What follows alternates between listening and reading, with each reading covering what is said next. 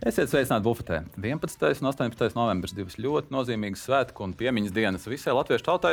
Šodien ir arī datumi, kas ir apvilkti ar sarkanu Latvijas futbola kalendārā. Nākamā nedēļa noskaidrosim Latvijas čempionus, medaļniekus un arī Eiropausu eh, laimastu ieguvējus eh, virslīgā. Savukārt eh, Latvijas dzimšanas dienā, 18. novembrī, uzņemsim pie mums pasaules kausa bronzas, ieguv, pasaules kausa bronzas medaļu ieguvējus Horvātus. Latvijas izlasē tātad Eiropas čempionāta kvalifikācijas noslēdzošā spēle. Kādās noskaņās to mēs laikam visi ļoti labi zinām, bet šodien mēģināsim nevis pārdīt guļošo, bet saprast, kāpēc tas kritiens ir noticis un varbūt kādus domātu mehānismus, kā mēs varam palīdzēt stutēt atpakaļ uz kājām. Kopā ar Jāni mēģināsim to darīt, bet uh, divi tādi diezgan vai mums tas izdotos, tāpēc kopā ar mums ir uh, jāsāk uzskaitīt. Uh, Futbola apskatnieks un komentētājs, futbola spēlētājs un treneris, futbola uh, organizētājs un laikam arī joprojām fans. Uh, futbol, jaunā futbolista tēvs un, un vispār četru bērnu tēvs. Ilvars Kostīņš, sveiks, sveiks Silver, prieks tevi redzēt studijā. Jā, paldies, ka uzaicinājāt. Lūdzu. Esmu pārliecināts, ka būs ļoti laba saruna par futbolu un ne tikai. Ilver, cik tu stundas diennaktī šobrīd vispār guli, ņemot vērā, ka jaunākiem tev ir cik 4, 5, 6 mēneši. 6 mēneši. Oskars Diviem jaunākajiem. Oskars un Renārs. Ja? Jā, tieši tā, precīzi. Cik tu guli? Uh, nu, maz, bet uh, paldies jūsu kolēģei, kura ļoti pra, prot labi uztaisīt cilvēku. Arī pēc negulētām naktīm, tāda, kāda tā bija arī iepriekšējā. Tā kā viss ir kārtībā, esmu laimīgs cilvēks, uh, joprojām darbojos uh, pašā labākajā jomā, kas ir pieejama tirgu, futbola joma. Uh, un, uh, un, Otra ļoti, labā, ļoti vislabākā joma ir ģimenes galva. Manā, manā, manās abās distancēs, laikam, tās ir maratoni, ir viss kārtībā.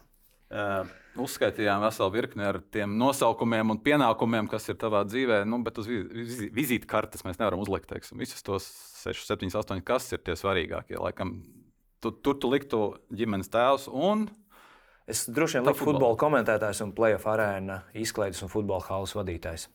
Es šobrīd patiesībā jūs ļoti precīzi iezīmējāt teiksim, šo jautājumu loku, jo zinot, ka man būs tā laime būt vēl bagātākam ar bērniem, es tā diezgan strikti nodalīju prioritātes. Tas ir bez tiem četriem būs vēl kādi. Ja?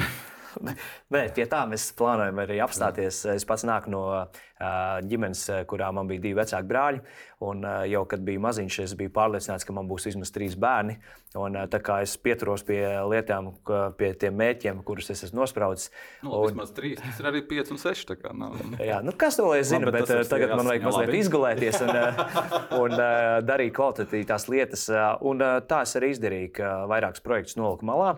Un, uh, lasot arī dažas tādas ļoti kvalitatīvas grāmatas, Robins Šarms, man šķiet, daudziem komentārus neprasa, kas arī palīdz, palīdz mazliet sastruktūrizēt dzīvi, vēl vairāk iezīmēt uh, to ceļu, ka, ja tu neizvēlies prioritātes, uh, nezini skaidri mērķus, tad, uh, tad var apmaldīties tajā mežā, pat ja tur kā kaļķis ir, bijis. Un, uh, manā gadījumā ir tā, ka es nospraudu ļoti stingrus mērķus. Numur viens - ģimene, visas lietas, kas saistītas ar ģimeni. Numur divi - playoff arēna. Mans sirds cits projekts, eh, kas eh, eh, man ir tādas aizdomas patīkams, ka kļūs par mm, nu, manas dzīves otrā posma vislielāko projektu. Un uh, futbola komentēšanu, ko es daru jau 15 gadus, un uh, neesmu gatavs uh, pagaidām uh, pogu izslēgt un uh, paiet malā, jo ļoti patīk joprojām komentēt. Un var teikt, uh, tā es nezinu, vai otrā jaunība, vai, vai pirms dažiem gadiem, kad ir, bija tāds lūzuma brīdis, tāds pārdomu brīdis, jo bija ļoti daudz darba, dažādu ko darīt. Un pie komentēšanas paliku, un, un es jūtu tādu otro uzrāvienu pēdējos gados, ārkārtīgi lielu baudu gūstu no futbola komentēšanas. Bija doma nekomentēt? Vai nu nekomentēt, vai samazināt apjomu, izdomāt to iespējamo turpmāko dzīves scenāriju, bet tas, ko es izdarīju, jūs zināt, ka vienu otru grāmatu esmu uzrakstījis vai piedalījies vienas otras grāmatas rakstīšanā. Kādreiz bija tāds, kurš atbildēja pilnīgi visiem telefonu zvaniem un atbildēja tādā veidā, ka vienmēr visiem palīdzēja un palīdzēja atrisināt arī citu jautājumus. Tagad es esmu joprojām tāds pats, bet es skatos kādu apjomu, kādu piepūli, kādu man iesaisti vajag noteiktos projektos. Un, un dažkārt jau pašā sākumā saknē nogriežu, ka saku, hei, man nebūs tik daudz laika, lai es kvalitatīvi varētu tajā visā piedalīties. Es godīgi pasaku, ka šobrīd nē, varbūt kādreiz citreiz. Tāpēc arī esmu dažas grāmatu projekts nolicis pie vietas mazliet malā. Tas pats virslīgas projekts, kuru, kuru pārmantoja Kristians Girvičs, virs, futbola virslīgas gada grāmata, kas patiesībā ir Latvijas futbola gada grāmata, kuru es veidoju vairākus gadus un izveidoju to modeli, kādu es redzēju, kā optimālo saturiskā ziņā. Man patīk, ka Kristians arī pieturās pie tā paša saturiskā ziņā. Mēs Latvijas futbolam katru gadu dodam ļoti vērtīgu tādu uh, vēstures pieminekli, kuru es ceru, neviens nekad ne, nenogāzīs uh, vai ne, nepārvietos. Un, uh, mēs, uh, es domāju, dodam reāli ļoti kvalitatīvu artavu Latvijas futbola vēstures saglabāšanā šo grāmatu. Bet es esmu mazliet pagājis garām uh, vai malā. Es rakstu tikai vienu rakstu parasti tur tagad, uh, bet kādreiz biju redaktors, un tas nozīmē arī parasti Ziemassvētkos, kad visi uh, jau atnesuši mājās eglīti un izpušķo. Es pie datora un tie vieni pēdējie, pirms es pateicu paldies uh, pēc tās pēdējās grāmatas izdošanas un pateicu, pameklēsim kādu citu uh, cilvēku, kurš varētu turpināt to projektu, jo to noteikti vajag turpināt. Uh, tie bija man mentāli tādi smagi Ziemassvētki pirms dažiem gadiem, jo tā arī bija, ka hei, bērni saucējiem spēlēties, un es, man ir jārediģē, man ir uh, saucamie termiņi, kuros man ir jāiekļaujas, jānodod raksti, visas korektūras. Jā, jā, jā, tas viss ir saistīts. Man ir ārkārtīgi tas projekts patika arī. Nu, man ir tā, ka, ja es ielecu kādā projektā, tad es ar visu sirdi un dvēseli man nav daru par 100%, man ir par 110% parasti. Un, un tagad es godīgi esmu atbildējis tās lietas, kurām man pietiek laiks. Un tās es arī es domāju, kvalitatīvi virzu šobrīd uz priekšu. Un par nu, halli jūs arī esat dzirdējuši un dzirdat droši vien arvien vairāk. Izgājām ļoti sarežģītu etapu sākumā ar arī visiem Covid izaicinājumiem un barjerām, kas tobrīd bija, bet šobrīd mēs esam tik ļoti ieskrējušies, manuprāt, ka man vienkārši, ja man būtu viss saka, astotā darba diena, es tur varētu vienā nedēļā divas nedēļas salikt un darīt un darīt. Tur tagad ir tā teikt. Vienu varbūt vajag uzcelt. Būs. Es domāju, Nē, bet, ja nopietni, Playoff arēna ir projekts, kuru mēs iesākām ar Kristoferu Ritovu 2020. gadā. Tikko trīs gadi. Kā, jā, tikko nosvinējām trīs gadu jubileju, un tas viss sākās Excelī. Uh, Mēs ar Kristoferu, principā, kas ir interesanti, mēs nebijām pazīstami.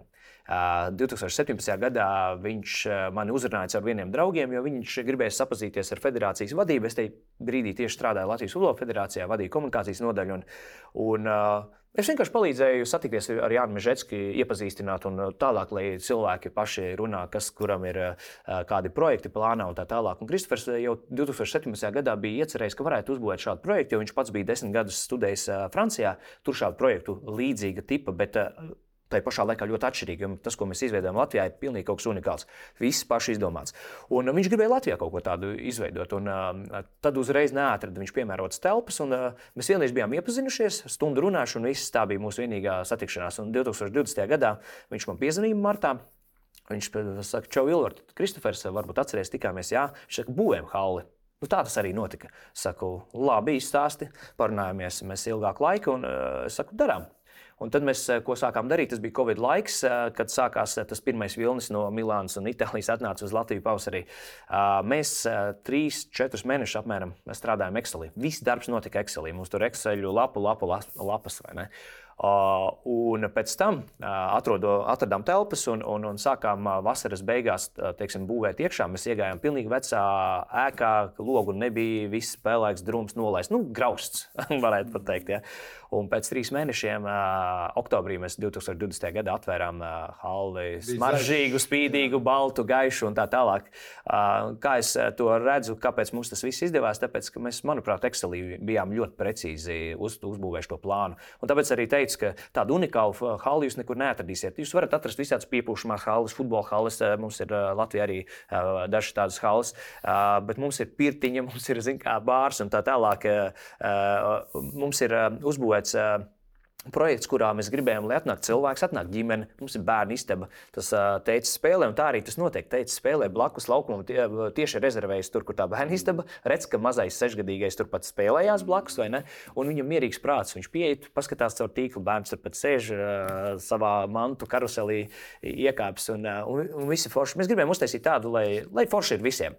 Un, un, un to uzbūvu arī no finansiālā viedokļa uztaisījām tā, ka cilvēks atnāk, samaksā par laukumu, un nav tā, ka viņam uz katru soli uzreiz visu laiku ir jāpiemaksā, lai ir kaut kādas papildus uh, vienības. Nu, teiksim, tā pati tie paši krekliņi sadalīties komandās, bumbas jau visur ir uz vietas. Uh, šo mēs tikai retajam uzdāvinām, mums ir mazliet citādāk krekliņi, bet jā, pēc būtības, jā. jā.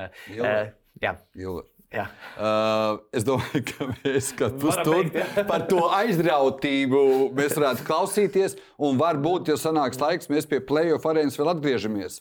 Uh, žurnālistika, es nezinu, vai komentēšana ir žurnālistika. Ir. Nu, protams, Bet uh, es tā saprotu, ka tā aizrautība, ar kādu stāsti par playoff arēnu pirms uzcelšanas, pēc uzcelšanas, par playoff arēnas ekseļiem, tev tā pārējā žurnālistikas sadaļa nepietrūkst ar to aizrautību stāstīt, attēlot citiem. Bet patiesībā jau komentētāja darbs uh, ir kaut kādā mērā līdzīgs. Jā. Aizrautības tur ir uh, atliektiem galiem, bet, protams, saprāta robežās, ja spēle ir tāda, ka uh, sitiena nav un nekas tur tā īsta kā spēlē nenotiek. Tāds dažkārt spēles mēdz būt. Nu, tu nevari uh, kliegt un uh, brēkt un uh, priecāties, cik forši ir spēle, bet skatīties jau redz, ka tur nav nekā iekšā tajā saturā šoreiz tik, uh, tik garšīga. Bet tad, kad ir tie gūtie vārti, tad uh, vajag izkrāsot ar krāsainiem flomasteriem.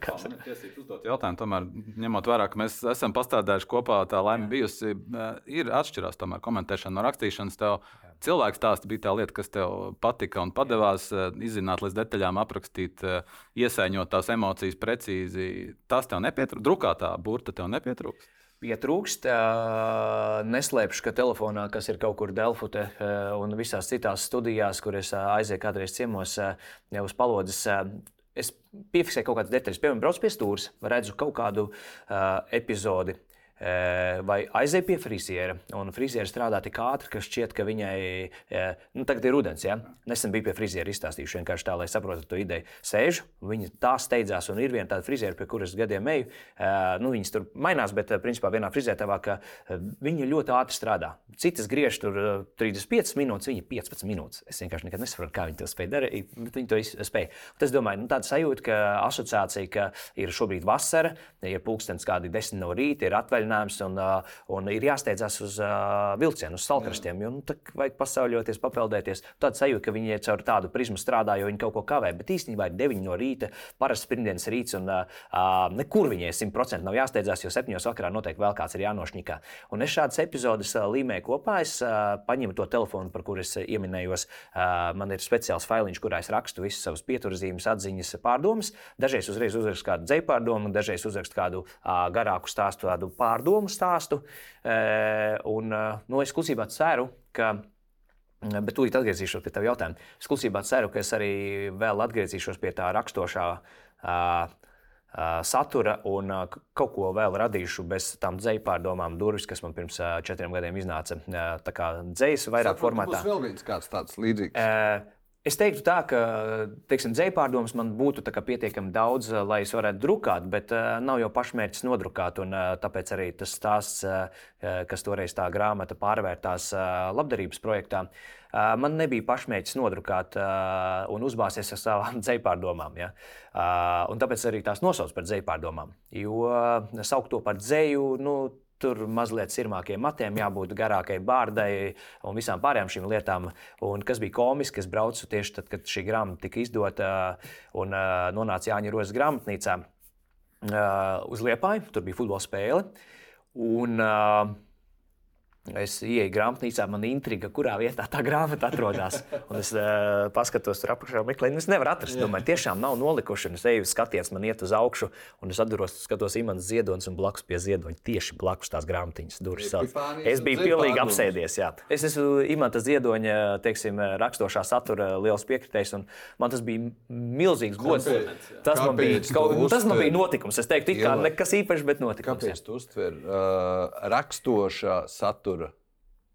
Raksturošais saturs, manuprāt, ir negribu teikt, cits līmenis, jo katra lieta, ko tu dari, vai tu esi sētnieks un vai nu kvalitatīvi to ielas pagalmu sakop vai savu ielu, vai struntīgi. Un tas pats ir ar rakstošajiem. Rakstīt jau var, var dažādi. Mēs pilnu internetu varam atrast ar cilvēkiem, kam tas nav, nav, nav dots īsti, ja? un varbūt nevajadzētu rakstīt. Rakstīšana, manuprāt, ir pati sarežģītākā no teiksim, žurnālistikas te, te, teiksim, virzieniem. Runāt, manuprāt, ir vieglāk. Vai tas ir televīzijā, vai tas ir radio. Rakstīt ir grūtāk vai visgrūtāk. Es, uh... Katram vārdam to... jābūt pamatotam. Un, uh... strīdēs, es jā, jā, jā. Ne, es, ne, es netiešu strīdēties. Man ir mana pārliecība, bet, bet par to rakstošo atkal mēģināšu atgriezties pie tava jautājuma. Pāk, pāk, pāk, pāk. Tu tik ātri runā, viss kārtībā. Es vairāk par to nevis strīdēties, mm -hmm. bet vai tu esi kā ziedonis pats savus epifānijas norunā? Izstāsta, nolasa. Tā ir vēl viena klase, jo tad, kad tev ir tas būts uzrakstīts, kad ziedonis pats nu, tur arī es saku, ka var klausīties. Jūs zināt, jo... ka tagad ir tas stāsts par ziedoņa ierunāto, ierunātajām balsīm, kas nav īsti viņa balss, bet dators tur runā un tā tālāk, ka tur arī mazliet ņemšanās. Un tas, tas ir vēl, viens, jau, vēl viena jauna niša par autortiesībām. Vai mēs pat muzejos, kur mēs gribam pastāstīt īstenībā labu lietu, ka Ziedonis bija izcila personība, viņam bija ļoti izcils materiāli, vai mēs drīkstam vai nedrīkstam to izmantot un datorveidā viņa balss atveidot, mākslīgais intelekts un kam tas pieder pieder. Tas ir arī interesants moments. Bet es esmu dažreiz izsalcis pēc tā, un tāpēc es domāju, ka man kādreiz varbūt dzīvē izdosies vēl kaut ko drukātā formātā izdot, jo es laikam tomēr esmu rakstītājs visvairāk ja, savā žurnālistikā vai savā uh, prasmē. Pēc vilknes, jā, un uh, tie materiāli, kad mēs kādreiz strādājām žurnālā kopā, uh, tie stāsti daži, kas mums bija. Uh, tie, tie man ir tā spilgti iespēdušies atmiņā. Un, un daudz kas tur uh, bija spēcīgi uzrakstīts. Es pēc tam gan ar, ar uh, vienu ļoti spēcīgu latviešu žurnālisti uh, aprunājos un iedevu tieši speciāli vienu no, manuprāt, maniem labākajiem rakstiem. Viņi atrada virkni visādas lietas, valodiski, kuras izrediģēt. Un, nu, tas tikai pastāsta, ka ir vēl daudz kur eh, tiekties, var vēl daudz labāk. Un tur bija arī tādas pamatotas lietas, kas bija patīkami. Ka, bet man arī patīk tā dzīvot. Man nepatīk stāvēt uz vietas. Eh, arī komentēšanas darbā, kas man šobrīd ir viens no tādiem aktīvajiem darbiem žurnālistikā, man eh, patīk joprojām satikt ārzemju kolēģus, aprunāties par visādām niansēm, klausīties citās valodās, arī tajās, kurās es nesaprotu, piemēram, spāņu vai itāļu, kā viņi komentē, ko viņi dara ar balsi, piemēram. Un šādā veidā turpināt izglītoties. Un Iespējams, tas man ir palīdzējis arī uh, tik ilgu laiku būt šajā profesijā, jo nu, ir jau dažādi. Nu, ja, ja tu to latiņu nenoturi, tad tu esi brīvs. Nu, mēs, tā, mēs zinām, tā tas notiek jebkurā profesijā. tad, kad gāji strādāt uz Latvijas Futbola Federāciju, vai tu gāji ar savu vīziju, principiem, redzējumu? Es noteikti gāju ar saviem principiem, un savu principu dēļ es arī iesniedzu atlūgumu Jo vienā brīdī es saprotu, ka Latvijas Futbola Federācijas ikdiena kļūsi par politisko spēļu kokteili, bet tur pazūd futbola dvēseli. Un, uh, es jūtu, ka tas fokus no tā, ka mēs uh, visu akcentu veltam futbolam, kā mēs šo spēli attīstām, kādus pasākumus rīkojam un cik kvalitatīvi tos rīkojam, ka notiek cīņa par varu. Un, uh, es tērēju ārkārtīgi daudz enerģijas. Uh, Un, principā, es, tur, es, teiktu, es domāju, ka es rīktīgi, tā teikt, vienkāršā valodā nodedzināju bateriju. Uh, Un uh, man pēc tam vajadzēja labu laiku atkopties. Uh, uh, jo es, uh, manuprāt, devu pa daudz spēkus, uh, tīri atņemot no sevis.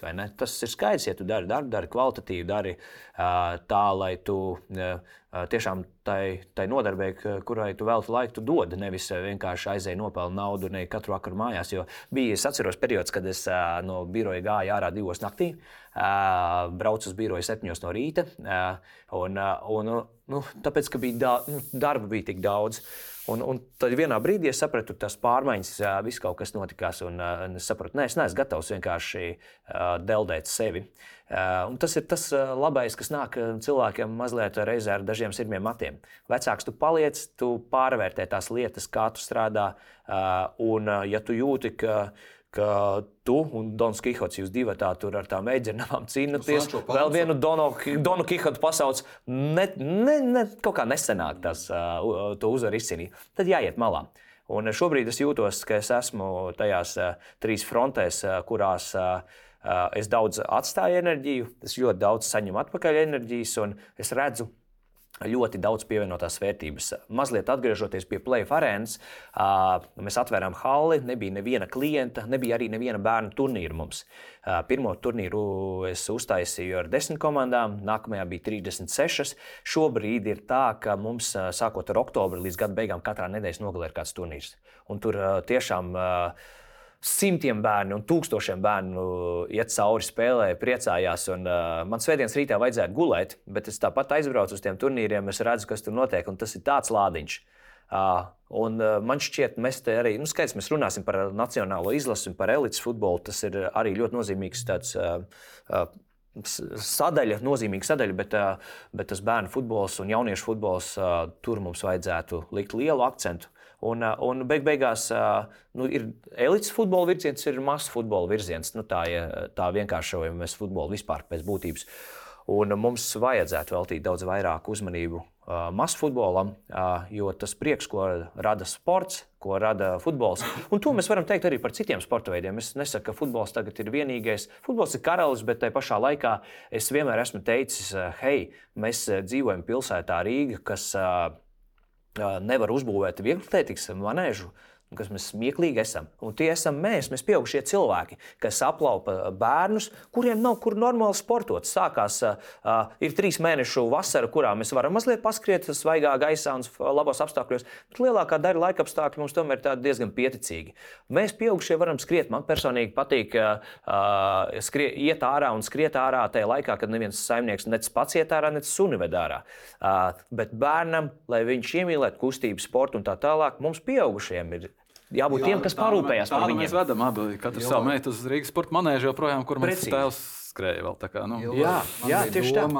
To pajautāt uh, mazliet vēlāk, bet tu pieskāries tam. Tu ar savu kreiso roku parādīji uz elites futbolu, un ar labo roku parādīji uz masu futbolu. Tā mana sajūta bija, ka tās ir divas planētas vai divas orbītas, bet tām būtu labi miedarboties.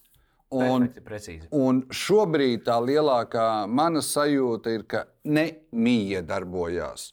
Ir pilnīgi tāda orbīta, kā tu jau pats pateici. Mēs parunāsim gan par klubiem, mm -hmm. gan es ceru, ka mēs parunāsim, ka mums pietiks laika, gan par klubiem, gan par izlasi.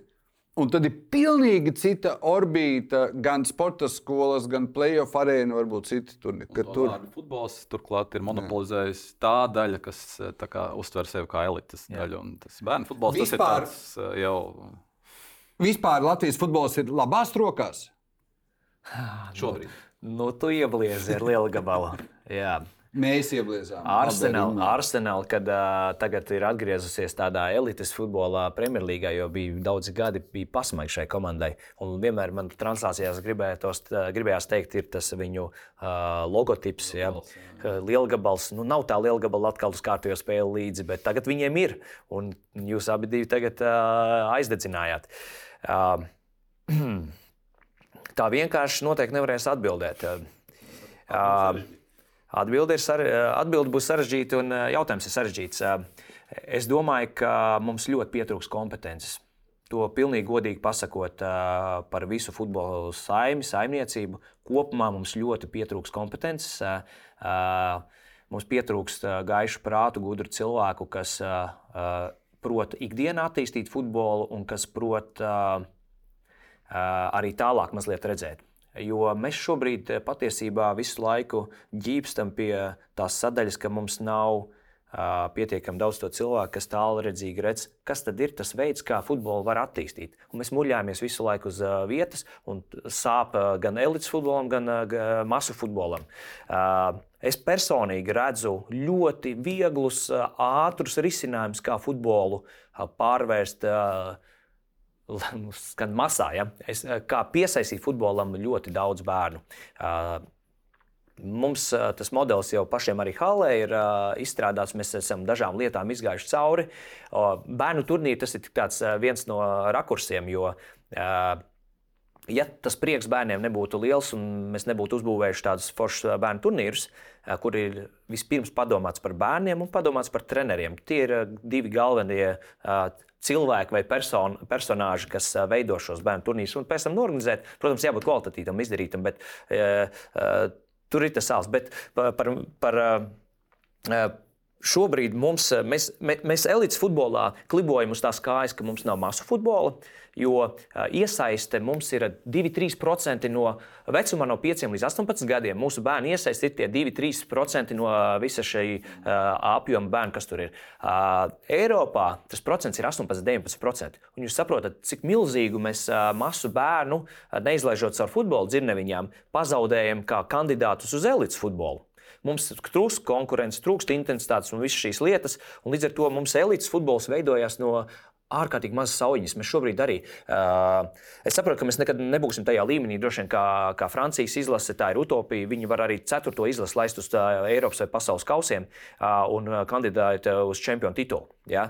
Mums tā nebūs. Bet uh, ka mums uh, no ierēnas izkrīt viens malējs aizsargs, kurš spēlē virslīgā, mums nav pat tuvu ko nolikt blakus. Uh, Nu, tā tad mēs nu, kaut ko ļoti atgādājam darām. Ja? Mēs tagad iegājām jau tādā tā detaļā, bet, ja mēs būtu uzbūvējuši futbolu, kas balstīts uz bērniem, prieks, labi apstākļi, daudzi nodarbojas ar futbolu, mēs no tās masas izsijātu daudz vairāk, kur ir spējīgi nodarboties ar futbolu zolīdā līmenī, un pēc tam arī nonāk daudz konkurētspējīgāki virslīgā un citās līgās un tā joprojām. Bet par to kompetenci. Jā, nu, Mums visiem viņas pietrūks. Mums pietrūks kvalitatīvu. Uh, Masas ziņā arī žurnālisti. Lai nav tā, ka preses konferencē ir divi, trīs, bet tur ir uh, desmit uh, asu jautājumu uzdevēji. Un, un tā pa visām, uh, pa visām jomām. Uh, treneru arī. Es nesaku, ka visi treneri Latvijā slikti nebūtu, ne? Uh, bet mums par maz viņu ir. Mums ir eh, vienā klubā 3-4 brīnišķīgi, fantastiski treneri. Nu, top, es teiktu, Eiropas līmenis. Vēl vienā klubā Liepājā ir, vēl vienā klubā Daugopilī. Bet tad, kad uh, jāiziet tam bērnam tas ciets no 5 līdz 18 gadiem, viņš katrā vecumā tomēr nesatiek tos uh, top, top trenerus. Vienā satiek, vienā nesatiek, un tad ir, un tad ir, un tad ir, un tad ir. Un, un, un cits tikmēr iet. Kā, tas ir mans redzējums. Es nepretendēju uz absolūto patiesību, bet uh, futbolā esmu 30 gadus. Šo to esmu jo, novērojis, un man tā šķiet, ka tā ir. Jo, tu, kurš esi futbolā 30 gadus par to vienu pozīciju, kas Latvijai pietrūkst, es esmu iemācījies, ka precīzi tik varbūt nav jājautā, bet es tomēr pajautāšu, ir Eiropas čempionāta futbolā kvalifikācijas spēles, un tur ir tāda J grupa. Mhm. Tur pirmajā vietā ir Portugāla, otrajā Slovākija, un tad trešajā vietā ir viena interesanta komanda. Es nezinu, vai viņiem pietrūkst, es nezinu, cik viņiem procenti tur spēlē. Un... Luksemburga ir trešajā vietā, Jēgru. Jā, tur ir arī Islanda, Bosnija. Viņiem Luksemburgai pozīcija, kas ir. Perfekts arguments. Tas nozīmē, ka nav stāsts par masu, pēc būtības par iedzīvotāju skaitu. Domāju, ja? Mēs dažreiz ar to žestikulējam un sakām, mums ir maz iedzīvotāju. Islandē sabrucināja visus šos stereotipus. Luksemburga ir arī spilgts piemērs. Pat Fēru salas pabrucināja drusku. Nu, diezgan Arī... nopietni, diezgan nopietni pabrucināja. Tas ir stāsts, cik kvalitatīvi mēs strādājam. Tas nav stāsts par uh, to, cik mums ir daudz uh, resursu. Es runāju vienkārši par to, ka mēs pat, uh, uh, esot salīdzinoši, tomēr arī maza valsts, mēs uh, pat uh, to pamatlietu neizdarām. Mēs neiesaistām pietiekami lielu apjomu uh, bērnu, jauniešu tieši futbolā. Mēs, mēs jau pašā starterī jau samazinām savu varbūtību kaut kur tur konkurēt kādā brīdī, pacīnīties par fināla turnīru jau pašā saknē. Un, un tur ir tā mūsu problēma. Luksemburgai apkārt ir uh, futbola valstis, un viņi vienā brīdī ir sapratuši, hei, uzbūvējot uh, foršu sistēmu, mēs varētu, varētu varbūt pat sacensties, varbūt mums paveicās. Un viņi tagad uh, var sacensties. Es atceros, Luksemburga bija pirms, oi, es negribu samalot, desmit gadu atpakaļ uz konto stadionā spēle bija. Un uh, mēs uzvarējām to spēli. Bet uh, uz, es, jau spēles saturā bija redzams, ka Luksemburga bija patiesībā tuvāk uzvarai nekā, nekā mēs. Un, uh, tur jau bija redzams, tas uh, progress ar Islandu bija tas pats. Kādreiz mazgājām viņus ar 4-0, un pēc tam viņi mūs uh, attiecīgi nomazgāja. Jā, kā... Man otrā sadaļa ir, paldies par atbildi. Otrā sadaļa ir tāda, ka uh, es esmu mācījies, ja domāju, ka es redzu citos sporta veidos, visur ir ļoti daudz gaiši cilvēki. Un tad, kad tā ir skaitā, kad glāzēs ir citādāks dzēriens nekā caurspīdīgs dzēriens, lai kāds tas būtu, tēja, kafija, ir tik daudz gaišu ideju, tik daudz labu domu. Un tā, kad tu kongresā vai vēl kaut kur, ka tev ir jāpaceļ biedrām tā balss un jānobalso, tad nav. Tad mēs paliekam pie šīm kārtām, kas man liek domāt, ka arī futbolā Tad, kad ir balsošana, tad apmierina līdzinājā kārtība. Es uh, absolūti piekrītu, un te ir vairākas lietas, uh, kuras tev varu bilst. Uh, Tikko bija konference, uh, tur bija atbraukuši dažādi futbola prāti arī no ārzemēm, un uh, arī no UEFA. Uh, bija runa par Latvijas Futbola Federācijas stratēģiju Pie pirmās es arī līdzi stāvēju, es vēl biju žurnālists, un man aicināja arī kā ekspertu no malas, lai es arī pasaku uh, domas par dažām lietām, kā vajadzētu arī tajā stratēģijā būt un kādam vajadzētu būt Latvijas futbolam pēc tur desmit gadiem un tā tālāk. Un es tieši tās uh, konferences beigās celos kājās, kad bija jautājums sadaļas prasība. Viss ir forši, uz papīra skan labi, uh, bet vai būs federācijā vismaz viens cilvēks, kurš šai stratēģijai sekos līdzi. Pirmkārt, kas man interesē, vai jūs veidojat stratēģiju, ievāksiet eh, daudz kvalitatīvos datus. Tātad, eh, ja ir meiteņu futbols Latvijā, gribam to attīstīt, gribam vairāk meitenes futbolā. Vai mēs uh, izanalizēsim, cik mums ir bijis pieaugums no paša startera līdz šobrīd, ar kādiem rīkiem mēs esam meitenes iesaistījuši, kādus pasākumus mēs esam organizējuši, pilnīgi visus izanalizēt un tad paskatīties. Esmu pārliecināts, ka daļa to pasākumu rīkojot, pienes meiteņu futbolu nevienu meiteni. Mm. Nevajag. Netērējam spēku. A, šis un šis pasākums atnesa meitenes 300 klāt. Mm. Darām to, izanalizējam datus, un pēc tam tad, tad jautājuma otrā sadaļa, vai būs tas cilvēks, kurš pēc pusgada visu to, kas stratēģijā ierakstīts, pārbaudīs, dosies pie katra departamenta vadītāja, pie katra atbildīgā, un es arī prasīju, vai būs katram projektam vai katram virzienam viens atbildīgais klāt. Jo citādāk, pēc septiņiem gadiem paņems atkal to stratēģiju, ah, nu nesenāca, nu neko. Ja mēs ne, neanalizēsim datus, un nebalstīsim to uz reālu analīzi, tad nekā nebūs. Un tas ir uzņēmums. Jā, man pateica, kas ir tas cilvēks un ka tāds plāns esot, jo es zinu, ja tā nebūs, tad ne, nestrādās, nebūs rezultātu. Un man tagad ir bijusi brīnišķīga pieredze pēdējos trīs gadus darboties uzņēmējdarbībā. Es skaidrs, ka neesmu tik dziļi tajos ciparos kā Kristofers Ritovs, mans kolēģis, ar kuru mēs kopā uzbūvējam halli, bet es esmu sapratis to būtību, kas ir uzņēmējdarbībai. Un es domāju, ka tas ir grābeklis, kam dēļ Latvija vispār pēc būtības kāpj uz uh, uh, atpalicības grābekļa, pat Baltijas kontekstā jau šobrīd atpaliekot arī, futbolā, no, bet... jā, jā, no, arī atpaliekot no Lietuvas ekonomikas ziņā. Mums būtu uh, iespējams jāliek viss akcents uh, uz to, kā sakārtot uzņēmēju darbības vidi un kā viņu atslogot, padarot vidi tādu, ka arī jauniem cilvēkiem, kas tikko iznākuši no universitātes sola, varētu nodarboties ar biznesu atvērt tās durvis tā, lai viņi tiešām pamēģina šo biznesa pieredzi. Jo tas skars arī futbolu, visus citus sporta veidus. Ja cilvēks veiksmīgi ies biznesa vidē, viņš tik daudz varēs pēc tam atdot atpakaļ, un viņi arī gribēs ļoti daudz atdot atpakaļ. Tas pats attiecās uz playoff arēnu. Mēs bijām spiesti veiksmīgi būt kā uzņēmēji. Un tad nāk klāt visas šīs brīnišķīgās lietas ar bērnu turnīriem, sieviešu turnīriem un pārējām lietām, kas mums tur notiek mūsu futbola akadēmiju pēc tam. Mēs ļoti daudz labas lietas pēc tam patiesībā atdodam atpakaļ sabiedrībai, dodam to pievienoto vērtību. Un Valdis Zatlers tik, tikko arī izteicās vienā intervijā, ka, hei, varbūt uh, nemāžojamies. Uh, pirmie trīs gadi jaunajiem uzņēmējiem nekas nav jāmaksā. Viņi sāks uzņēmēju darbību, un pēc tam skatāmies, kā viņiem aiziet tā lieta.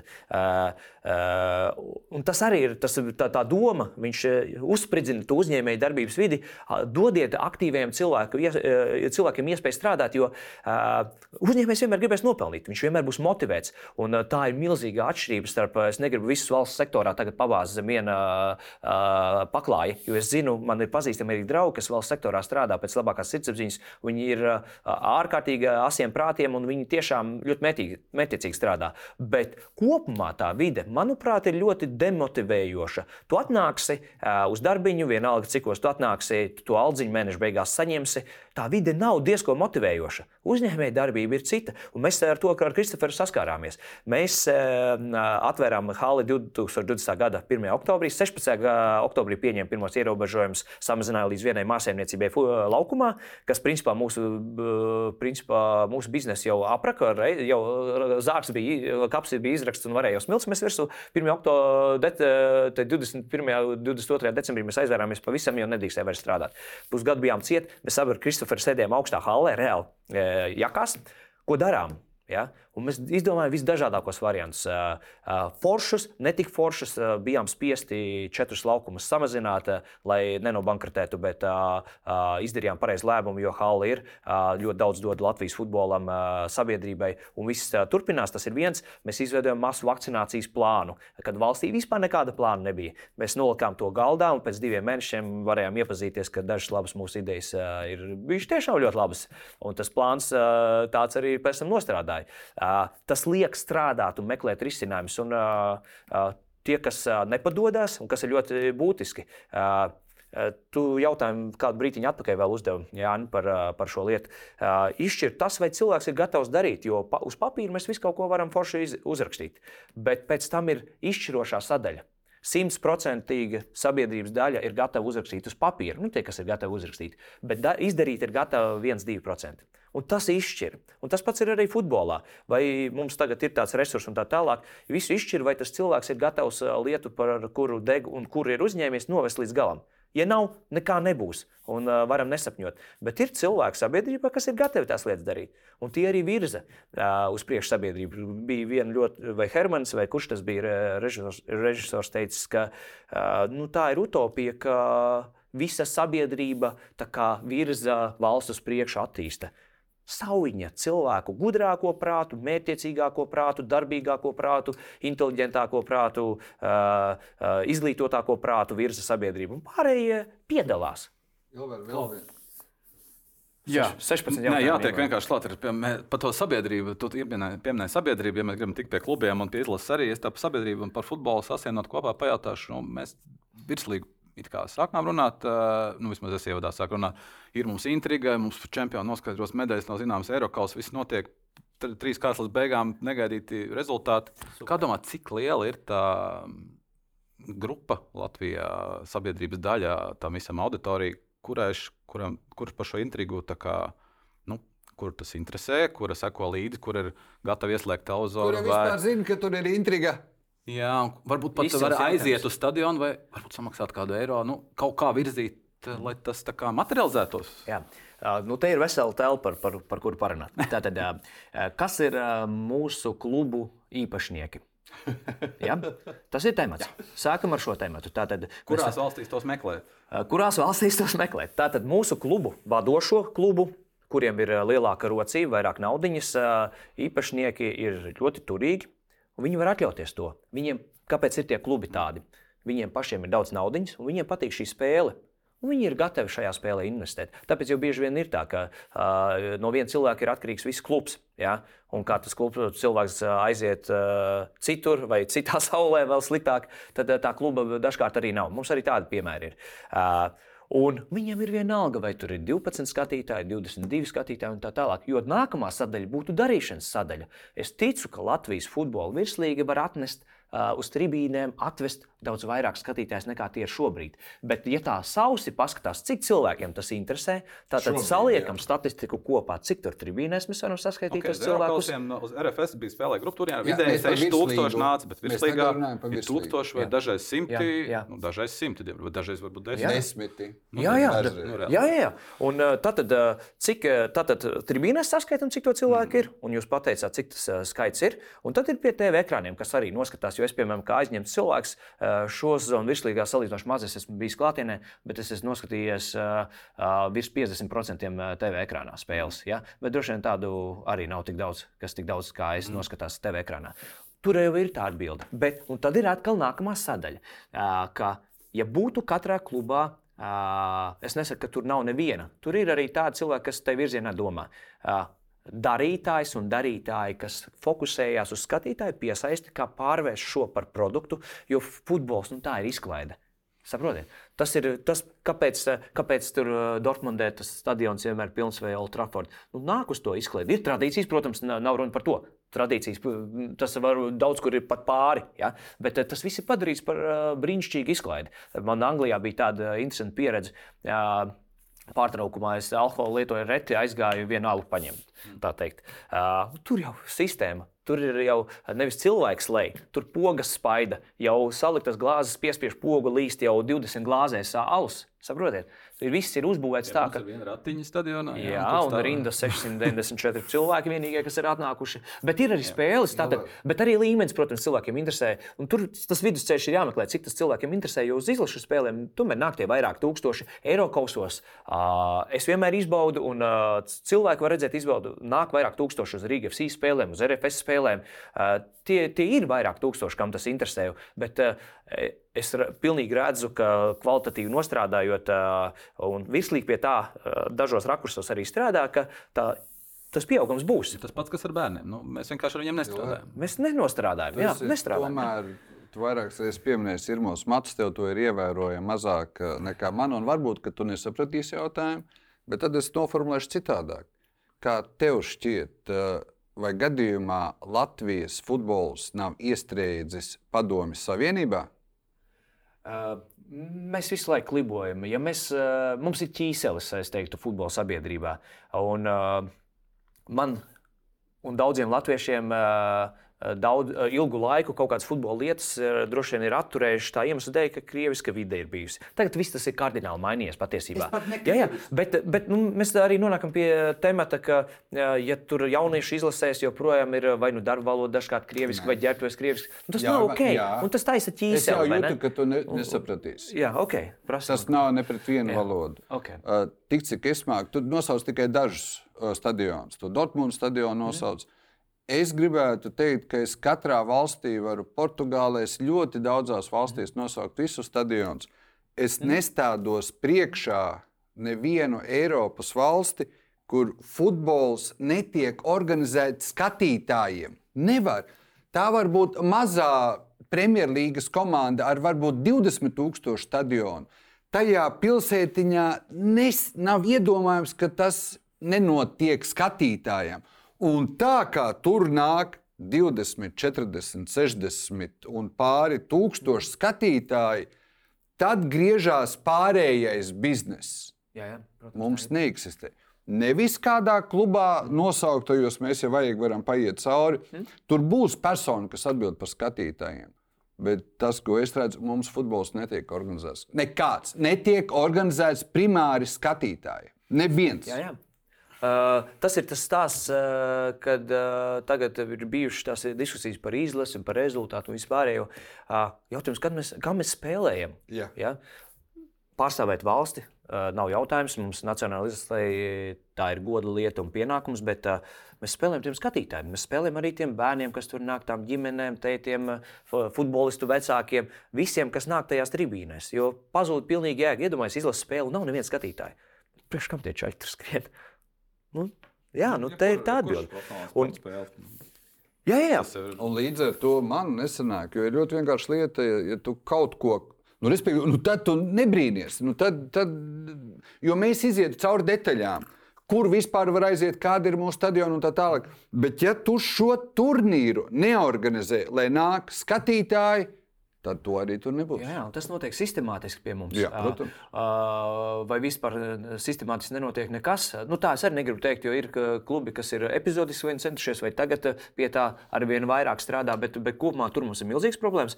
Baltija vispār šajā ziņā ir nu, ļoti sāpīgs temats. Es atceros, pirms dažiem gadiem bija Latvijas un Anglijas U21 izlaša spēle. Spēle notika tobrīd mazākajā Premjerlīgas stadionā Bormutā. Eh, ja nemaldos, eh, tur ietaupīja nepilnīgi 12,000 un atnāca 9,000 skatītāju. Ja? Nu, tā tad ir nostrādāts. Ja? Viņi zina, ka viņi nāk, saņems eh, kvalitatīvu produktu, viņi forši atpūtīsies un tā tālāk. Es, es pilnīgi piekrītu, tāpēc es teicu par tām pogām. Es aizēju, man nav vispār rindā jāstāv. Tur cilvēks piespiež pogu, un tur visiem tiem 20, kas tikko pienāca, ir jau iespēja paņemt savu dzērienu.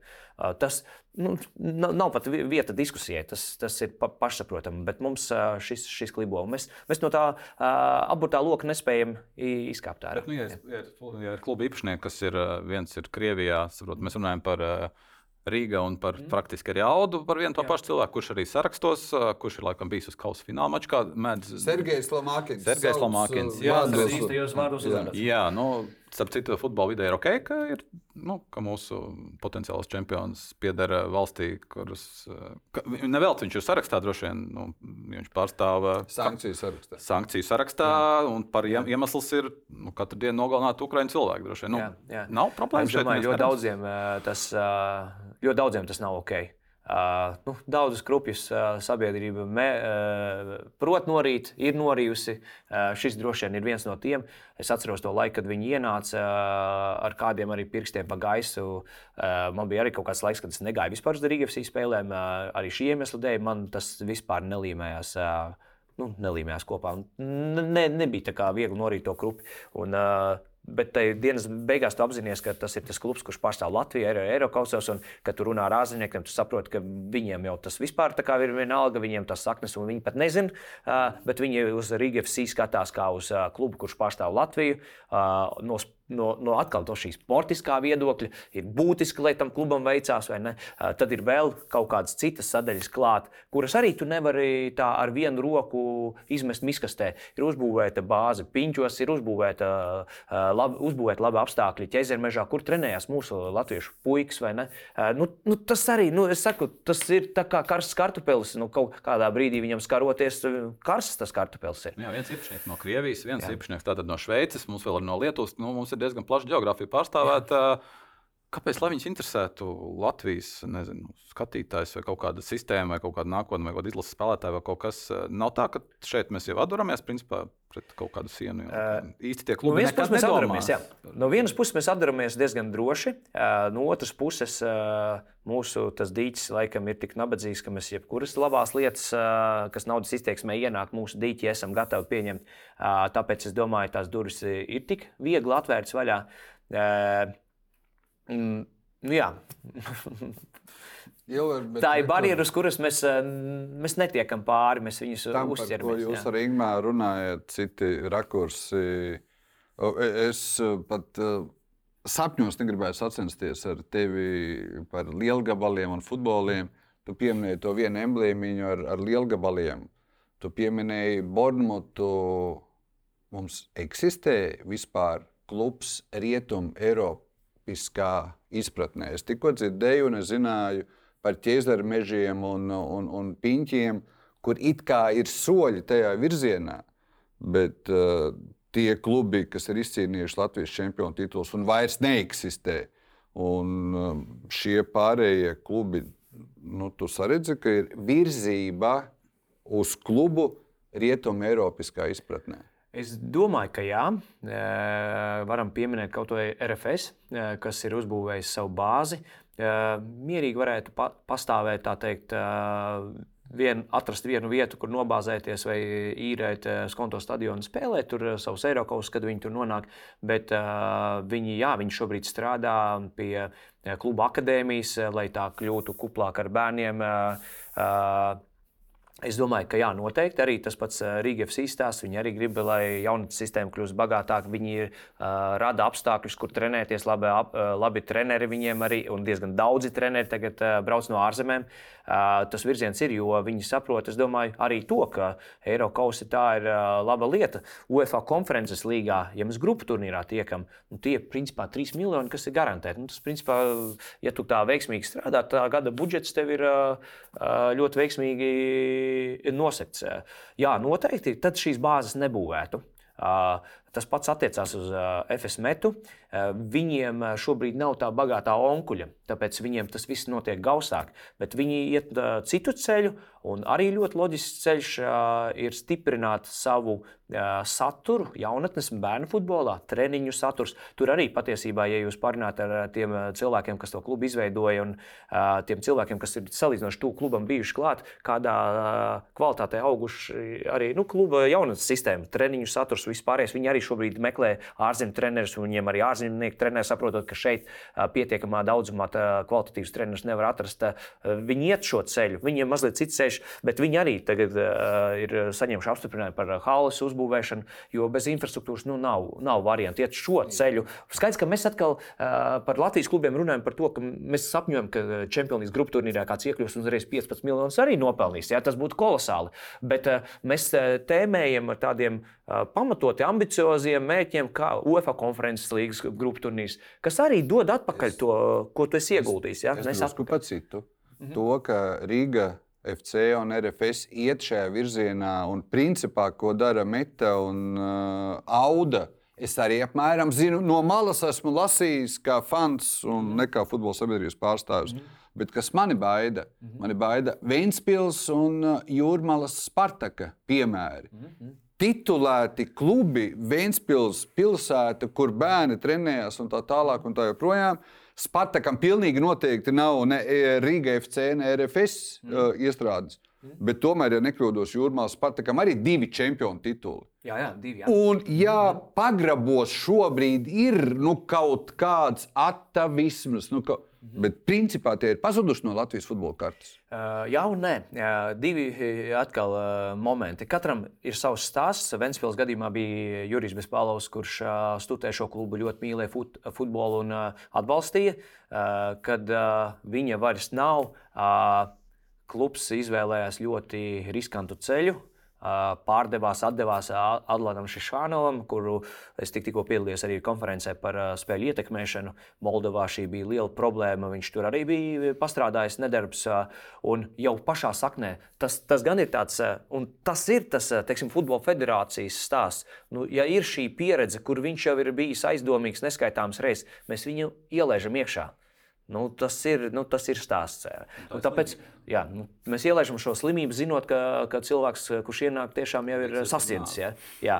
Un, un Ventspils gadījumā tas ir stāsts, ka tas klubs pēc tam loģiski aizgāja pa skuju taku, bet tie aktīvie fani un tā tālāk, kam, kam bija svēts šis, šīs pilsētas futbols, izveidoja un atkal sāka, nu, komanda no pagraba atkal sāka. Un tas pats ar Spartaku nu, arī. Ja? Esi ļoti atkarīgs no viena cilvēka, un tad tu nonāc bezdibenī. Un te ir tas stāsts patiesībā, ko jūs abi esat vaicājuši. Uh, Eiropeiski būvēt, tas nozīmē uh, kluba sistēmu, jo tad klubs vienkārši nevar tā tik viegli aiziet uh, pa skuju taku. Tas ir viens. Ventspils gadījumā tas mazāk, jo viņiem ir sava jauna sistēma. Jūrmāls gadījumā tas vairāk slēgtie līgumi ar citām futbola akadēmijām, lai tikai būtu izpildīts ķeksīts, ka tev ir tā akadēmija. Bet kad tu esi atkarīgs no šī viena cilvēku, ka tu esi atkarīgs no šī viena sponsora. Tas ir milzīgs risks. Un Riga FC un RFS gadījums tas joprojām ir tas pats stāsts. Mēs, protams, redzam arī tos partnerus, kas tur parādās uz, uz reklāmu standiem, tad, kad šīs spēles notiek. Kaut kādu artavu ienes arī tas, bet mēs zinām, ka skandināvu modeli viņiem labāk ir tūkstoši partneru atbalstītāji, bet viena, divu, piecu aiziešana kardināli neietekmē kluba darbību. Nu, tas, tas tā ir. Jā. Nu, tā ir Eiropas virzība, kā es to saprotu. Man liekas, mēs tieši to arī izrunājam, ka ir tie viltus dievi dievi. Nu, ja Eiropā tas dievs ir skatītājs, pie mums tas dievs ir iespēja nopelnīt 3 miljonus dabūjot eiro kausu. Un līdz ar to mums neveidojas. Prezidenta uh, izpriec, uh, baudot futbolu. Rotaļlieta, rotaļlieta un, mm. un iespēja nopelnīt kaut kur šādā veidā. Līdz ar to man neveidojas kopā no Eiropā. Tas ir tās ir gadu desmitiem, pat simtiem kaut kur veidotas tradīcijas. Tur ir paudzēm atbalsta vienu to pašu klubu, ir savs sēdvietas tribīnēs. Viņi iet un, un zina, ka tas, kas ir tikko piedzimis un šūpulī, viņš tāpat dabūs šālīties. Mm -hmm. Pie mums nekas, man liekas, 30 gadu laikā nav neviens solis tajā virzienā spērts. Līdz ar to teikt, ka mēs ejam Eiropas futbola izpratnes nu, klubu ziņā mm. virzienā, manuprāt, nu, mēs neejam. Mēs mm. ejam projektu virzienā, kas grib kaut kā atpelnīt. Un meta pieminētais projekts, kas ir Tieši tāpat kā Vācijā, kaut kādā mērā nu, parādīt otru ceļu, kā var nopelnīt, uh, izaugsmot spēlētājus, pārdot, bet mēs redzam, ka tas nav tik viegls ceļš. Vācijā tas vienu gadu izdevās, un Jā. šogad viņi nu, Jā. Nav tā, ka tu dabūsi tos džekus, kas pēc tam izaugs. Un... Sportā nav garantijas, vai tas cilvēks iestīs to bumbiņu vārtos, iemetīs tajā grozā. Skaidrs, ka lielajā pa, elites futbolā arī ir šie stāsti. Ir tuvie, tāli austrumi, atbrauc bagāti cilvēki un, un investē, un kluba ambīcijas uzliek kosmosā, un tur ir milzīgas investīcijas. Un arī ir klubs ļoti ietekmējams no tā, bet tas nemaina vienu citu būtību. Ja Manchester United izkrīt no Premjerlīgas, vai tāpēc pēc tam nākamajā sezonā 5000 tur nāk? Nē, tur nākamajā nāk 70, atkal 5000. Tas ir tas stāsts. Ja? Tur... Es divās sadaļās uh, pajautātu tev, Manchester United, jebkurš, cik nāk tur skatītāji, ja pat izkrīt no Premjerlīgas. Pirmā sadaļa ir tāda, piedod, es neiedomājos, nestādos priekšā nevienu sporta veidu bez mājām, bez sava stadiona. Es vienkārši nestādos. Es atdodu, nenocirst, bet mazo pirkstiņu.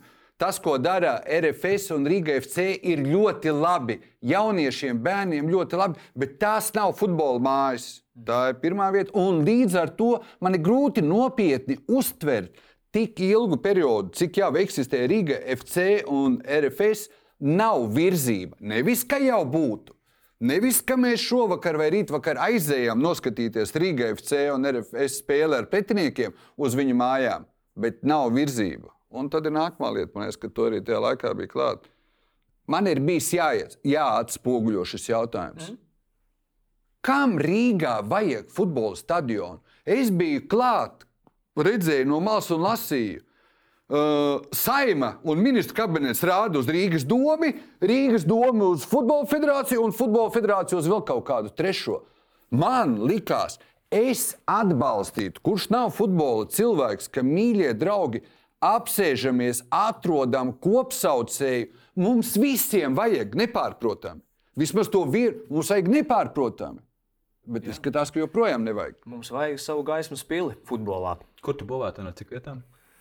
Uh, starp citu, konferencē. Nu, man nav kompetences par to skatītāju skaitu. Pieredze rāda, Eiropas super rāda, jebkurš jauns stadions, ja piemēram valstī X ir stadions ar 15,000 skatītāju vietu, uzbūvēt jaunu stadionu, tas cilvēku pieplūdums vienmēr ir uh, iet uz augšu. Tā biznesā ir tie cipari, ir vienkārši tā stāsta, ka tā tas notiek.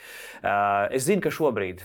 Uh, slepena informācija, ka runas visaktuālāk šobrīd ir par, nevienam nesakiet, 20 tūkstošiem skatītāju ietilpību, lielu stadionu. Kur? Lucelsala. Jā, Lucelsala tā šobrīd ir visreālākā varianta. Tur ir bijuši kleistu pusē, spilvas, pļavas, jugla, ziepniekauns, uzvaras parks un tā tālāk. Tikko brauc garām, saprot, ka tur stadions noteikti nebūs. Tur jau teritorija blakus Arkādijas parkam. Tieši tā. Teritorijā blakus Arkādijas parkam. Jā. Jā. Uzvaras, es, es, es eh, šo parku esmu mm, pēdējos desmit gadus saucis par okupantu parku. Bet, jā, tad jau drīzāk. Jā, bet man nav vispār šaubu, ka tas ir vajadzīgs. Un te mēs atbildam uz to jautājumu. Ja 30 gadu laikā mēs pēc savas futbola mājas nespējam uzbūvēt, tad man prasa, vai mums pietiek kompetences, vai, vai futbola vadībā ir pietiekami gudri cilvēki, tad acīm redzot, nav. Nu, ja mēs nevaram uzbūvēt bāzi, kurā regulāri un bez jebkādiem ierobežojumiem ar 2 stundu vai 2,5 stundu braucieniem uz Staiceli, mūsu 17 izlases var trenēties, U15 izlase var trenēties un viss pārējais izlases var trenēties, nu, tā tad nav. Nu, tā tad nav. Nu, Viss atbild ir ļoti vienkārši. Stadions ir vajadzīgs, vispār nav jautājumu. Es saprotu, ka šis šobrīd projekts tiek skatīts arī kompleksi, un kas ir ļoti pareizi, ka ne jau tikai futbols tur notiks. Futbolam tas, protams, būs mega izrāviens, uzrāviens, atrāviens un viss pārējais, jo blakus būs arī rezerves laukumi, kur varēs darboties jaunieši un, un bērni, bet lieli koncerti un viss pārējais. Tur notiks ļoti daudz uh, lielu sabiedrībai svarīgu, interesantu, izklaidējušu pasākumu, kas vedīs uz Latviju cilvēkus, griezīs ekonomiku un ļaujiet tik cilvēkiem darboties. Yes, paldies! Ar nelielu kavēšanos, bet tu atbildēji uz jautājumu, vai Latvijas futbols ir labās rokās. Ļoti labi atbildēt. Lamākina, Šišhāno un vispārējie, cik tālu Latvijas izlase ir tā, no šīs domāšanas, no šīs, nu, gribētu teikt, krieviskās kaut kādā mērā vidas. Tu sāki par to runāt, Jānis, to nocirt saknē, bet tas ir jautājums, par ko, mē, nu, ko mēs nevaram ignorēt, ka tas tomēr, nu, tas, tas krieviskais fons, nu, sākās ar vecākiem, kam ir jāved bērni, kas piezvana un atbild saņem krieviski vai Jā. turpinās ar aizved bērnu, jebkuru aizēju uz virslīgas spēli un klausies, kas notiek laukumā, tu dzirdi visu, kas notiek krieviski un, eh, nu, nezinu, nacionālām izlasēm. Ar ļoti līdzīgi. Tas, kas man sit pa ausīm, dažkārt ir, ka atbrauc arī ārzemju treneris un uh, grib uh, parādīt sevi no labās puses, ka viņš kaut ko no vietējās valodas ir iemācījies un pasaka kaut ko krieviski. Uh, nu, tas ir nožēlojami. Viss, ja? uh, Latvijas futbols kopumā, ja tā salīdzina, kas bija pirms 20 gadiem, pirms 15 gadiem, 10 gadiem, un tagad uh, latviskuma ziņā ir gājis straujiem soļiem uz priekšu. Nē, nu, 100%. To es, to es, esmu, to es esmu izjūtis, redzējis, novērojis. Uh, uh, bet, jebkurā gadījumā, fundamentāliem jābūt uzstādījumiem, nacionāla izlase, darba vide, mūzika, vispārējais te jābūt latviešu, uh, latviskai videi apkārt. Uh, kas attiecās uz valsts vienību, uh, izlasi vada. Uh, Latvijas.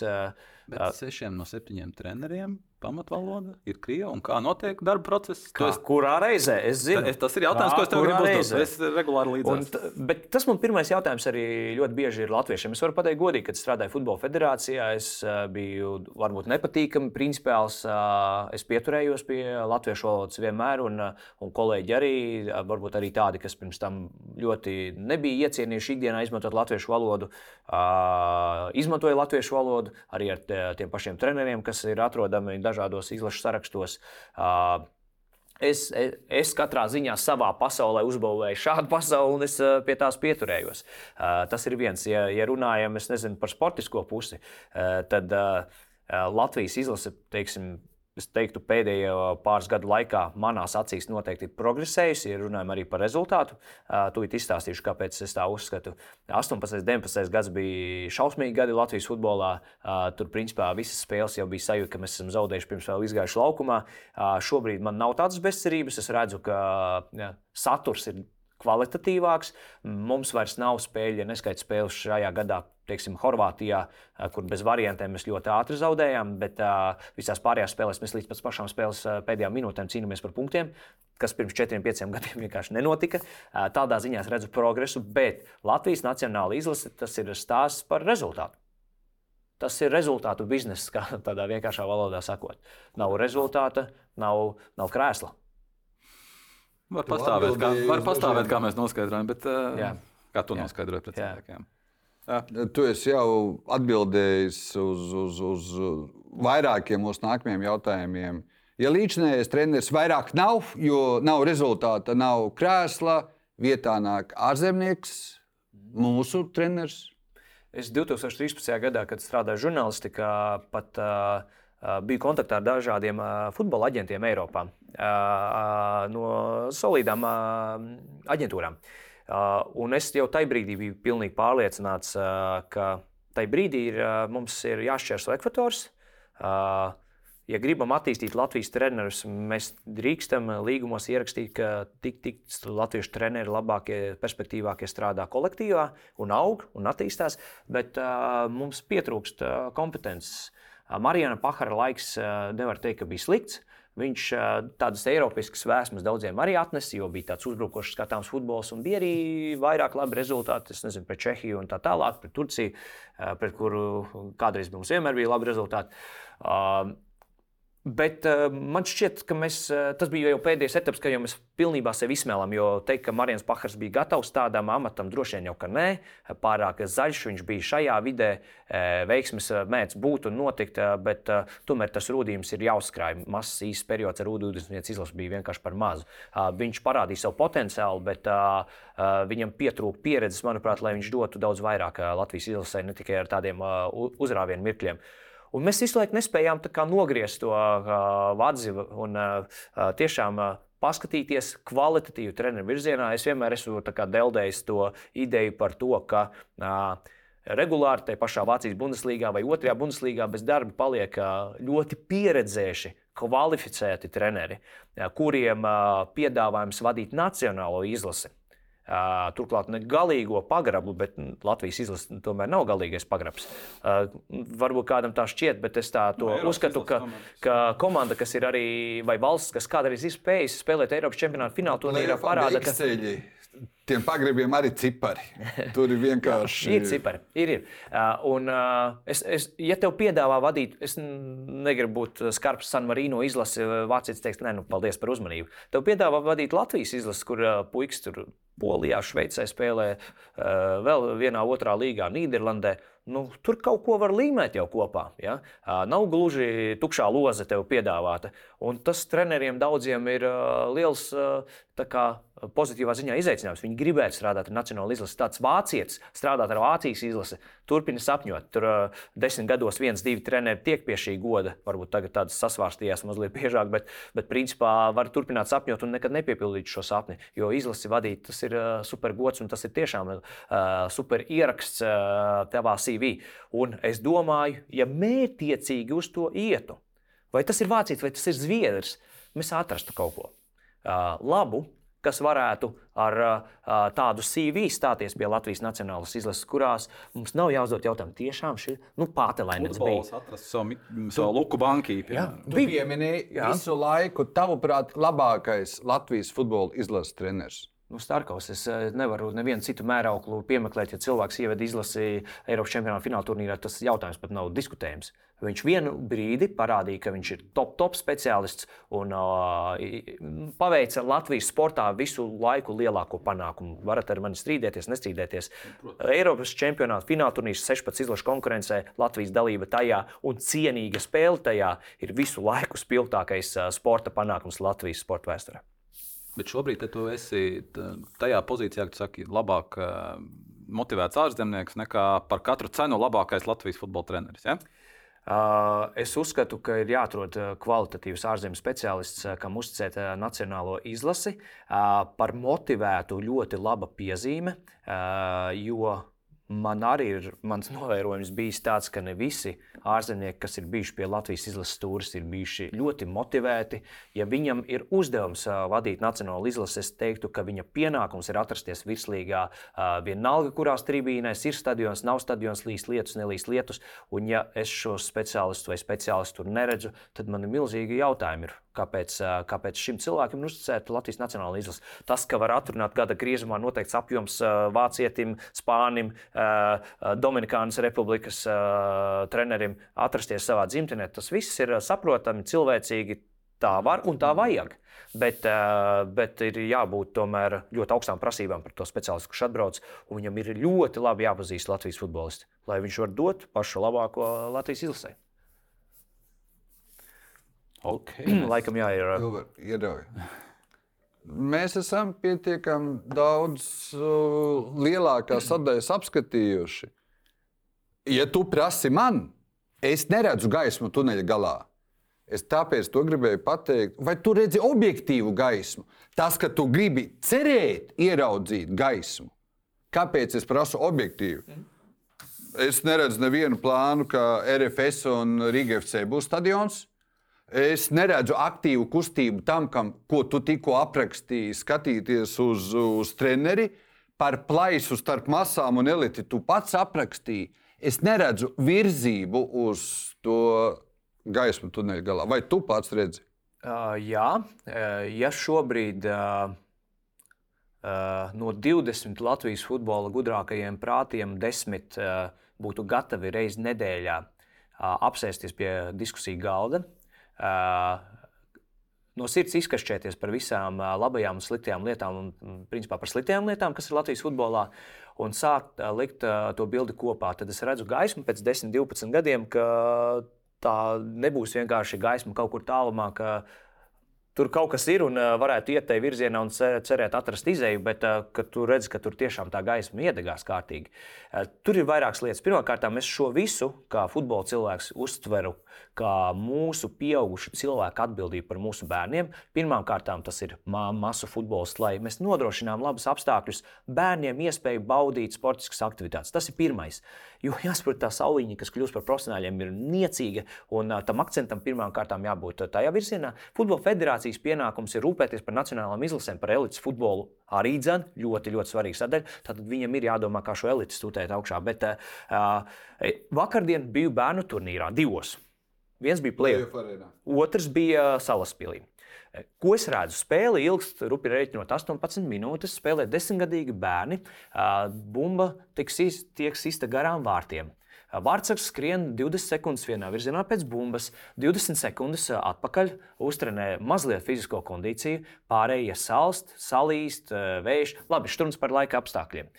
Pārējiem ir dīkstā, viņi neko nedara. Mēs ar chronometru izmēram, cik ilgs ir spēles laiks, un tad mēs saprotam, ka puiši futbolu un meitenes spēlē daudz mazāk nekā viņiem tajā turnīrā patiesībā tajā reglamentā bija ierakstīts. Risinājumi. Tātad ir divi varianti. Turpinam, un pēc desmit gadiem sēžam pie, pie šī paša galda, tāpat gudri runājam, nekas nenotiek, vai arī tā kā es parasti daru.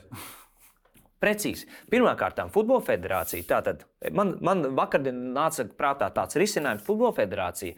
Redz šādus turnīrus. Tātad tas nav ok. Tās ir Latvijas labākās jauniešu bērnu komandas, un mēs šādi vienkārši bez intensitātes darbojamies. Uh, Futbola federācija nopērk, es tagad ap, tādos abstraktos skaitļos, tūkstošu bumbas, uh, aizbrauc, cik Latvijā ir futbola turnīru rīkotāju. Un te nav runa par to, ka Play Arena grib tagad uh, kaut kādu labumu no tā. Nē, uh, lai Latvijas jaunais futbols varētu attīstīties, es redzu šādu risinājumu. Uh, uh, var teikt, licencē visus turnīrus, paskatās, kādā kvalitātē tiek rīkot. Lai turnīru vadītājs nedod dievs, neierodās pēc divām gulētām stundām, ne tāpēc, ka vajadzēja hāli vai laukumu iekārtot, bet tāpēc, ka ballīte bija. Un mēs iedodam licences turnīru rīkotājiem. Pārējiem burtiski gandrīz aizliedzam rīkot šādus turnīrus, elites turnīrus. Iedodam viņiem 50 bumbas, pie katriem vārtiem stāv grozs, un arī kaut kur auto malās arī vēl pa grozam, kur ir 5, 6 bumbas. Un tiklīdz bumba aizlido, Vārtsakam ir vienalga, viņš paņem bumbu, noliek un spēle uzreiz turpinās. Punkts viens.